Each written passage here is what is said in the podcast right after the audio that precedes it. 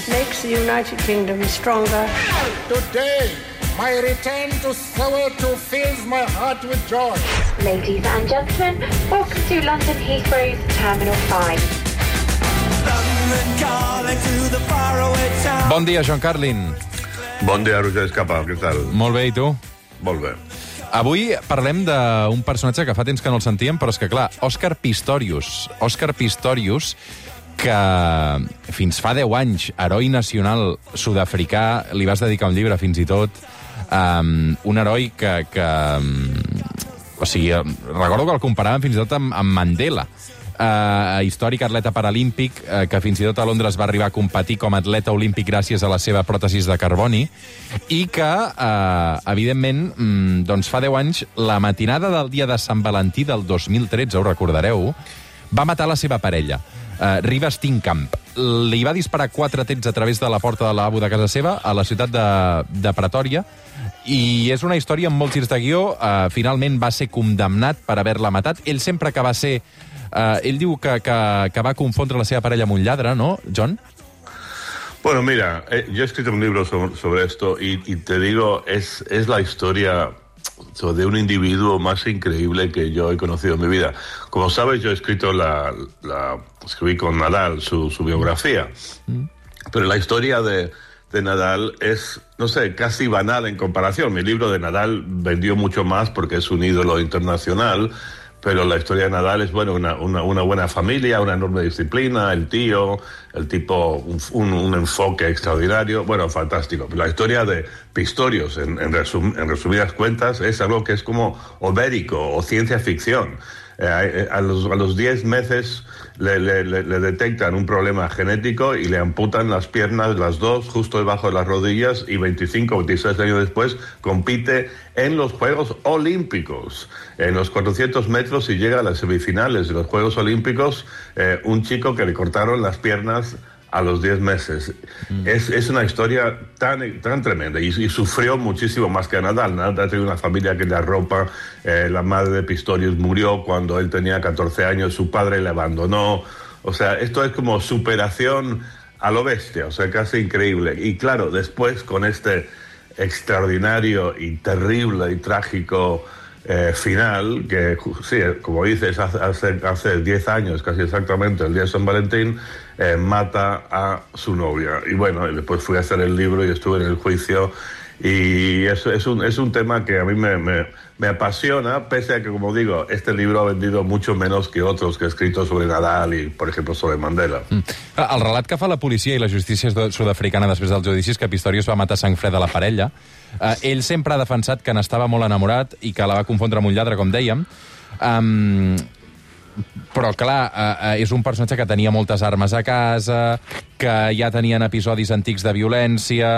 Eh, al final està condemnat i està complint condemna i crec que aviat, no sé si tindrà algun permís per sortir en llibertat condicional perquè haurà complert ja la meitat de la condemna.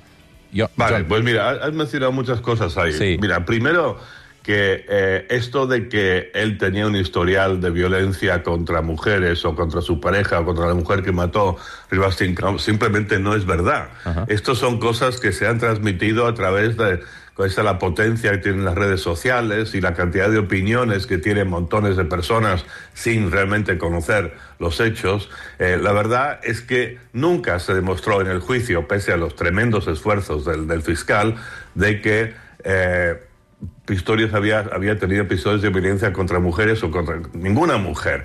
Eh, por ejemplo, sacaron, no sé, dos mil WhatsApps que se habían escrito eh, él y la víctima, y salvo dos o tres en los que ella dijo, uy, a veces me das, un poco de miedo, y ella, le dice, perdón, perdón, perdón, por lo demás es todo cuchi cuchi, te quiero, mi amor. Eh, es, un tipo que hasta ese momento de total locura que, que, que, tuvo, que duró, no sé, cinco segundos cuando disparó esas cuatro balas, había sido un buen tipo, eh, un tipo que veneraba a Nelson Mandela, un tipo que era venerado por sus compañeros negros en el equipo paralímpico sudafricano. Mm. Entonces, y, y, hay una cosa muy importante, Roger, que a, en el primer juicio, donde hubo una jueza negra, ella básicamente lo absolvió, dijo que fue homicidio involuntario. Después, un tribunal de apelación lo declaró como homicidio, homicidio porque dijeron que debería haber sabido que iba a matar a la persona que él sabía que estaba detrás de la puerta del lavabo. Pero nunca, nunca, nunca se estableció que él había deliberadamente matado a su pareja, a Riva Steenkamp. Esto nunca ha salido, nunca se ha demostrado y la respuesta a esta pregunta solo la sabe Pistorius y nadie más. Tu l'has arribat a conèixer personalment, més enllà de seguir-lo al judici, John? Sí, sí, sí. Yo, yo fui el único periodista que tuvo acceso a él durante el, durante el juicio. Le vi un par de veces, me invitó a su casa, me invitó, a, fuimos a un restaurante italiano, me llevó, él, él era la persona más, una de las personas más famosas del mundo y ni hablar, por supuesto, en Sudáfrica, me llevó a un restaurante eh, ahí cerca de donde se estaba quedando con su tío en Pretoria. Después me llevó a una especie de casita que tenía en el jardín de la casa de su tía y una cosa alucinante, Roger, que después de comer vamos a su, a su casita y entro y lo primero que veo es una foto enmarcada de, de- de la chica que, que había matado en la pared y debajo de la, de, la foto una vela, una vela encendida. Y después se dedicó a enseñarme un montón de fotos de él y, y esta chica juntos y era todo muy, muy extraordinario, pero yo, a mí me han preguntado 10 mil millones de veces qué es lo que yo opino, si la mató deliberadamente o no. Y siempre he querido mantener un cierto equilibrio así periodístico y objetividad y todo esto, pero realmente yo lo que siento en, en mis huesos es que fue, lo, él dice la verdad, que fue un error trágico, que él sí pensó que había un ladrón ahí o un asesino, eh, y que y si eso es verdad, entonces la historia es una doble tragedia, una tragedia para, para la víctima, pero una tragedia brutal para él también, porque yo creo que él realmente amaba a esta chica, es la primera novia que tuvo con la que estaba pensando mudarse, vivir juntos y, vivir felices y comer perdices. La història tràgica d'Òscar Pistorius 10 anys després. Avui fins les 9 del matí, amb això que sentim de fons, que és Sugarman de Rodríguez, uh, Searching for Sugarman, no sé si el vas veure, és un documental fantàstic. Uh, és un personatge, um, és un cantant que no va tenir cap mena d'èxit als Estats Units, però inesperadament va triomfar sense que ell ho sabés a Sud-àfrica. Saps la història, John? Sí, perfectamente. Ah, ma, es, es- un eh, documental buenísimo, Searching for Sugar Man, que ganó el Oscar. Conocí al director, que por cierto, eh, un sueco de origen marroquí, que se suicidó después, que no pudo soportar tanta fama y gloria. Doncs fins les 9 del matí amb Sugarman. Una abraçada, John. Cuida't. Un abrazo, Roger.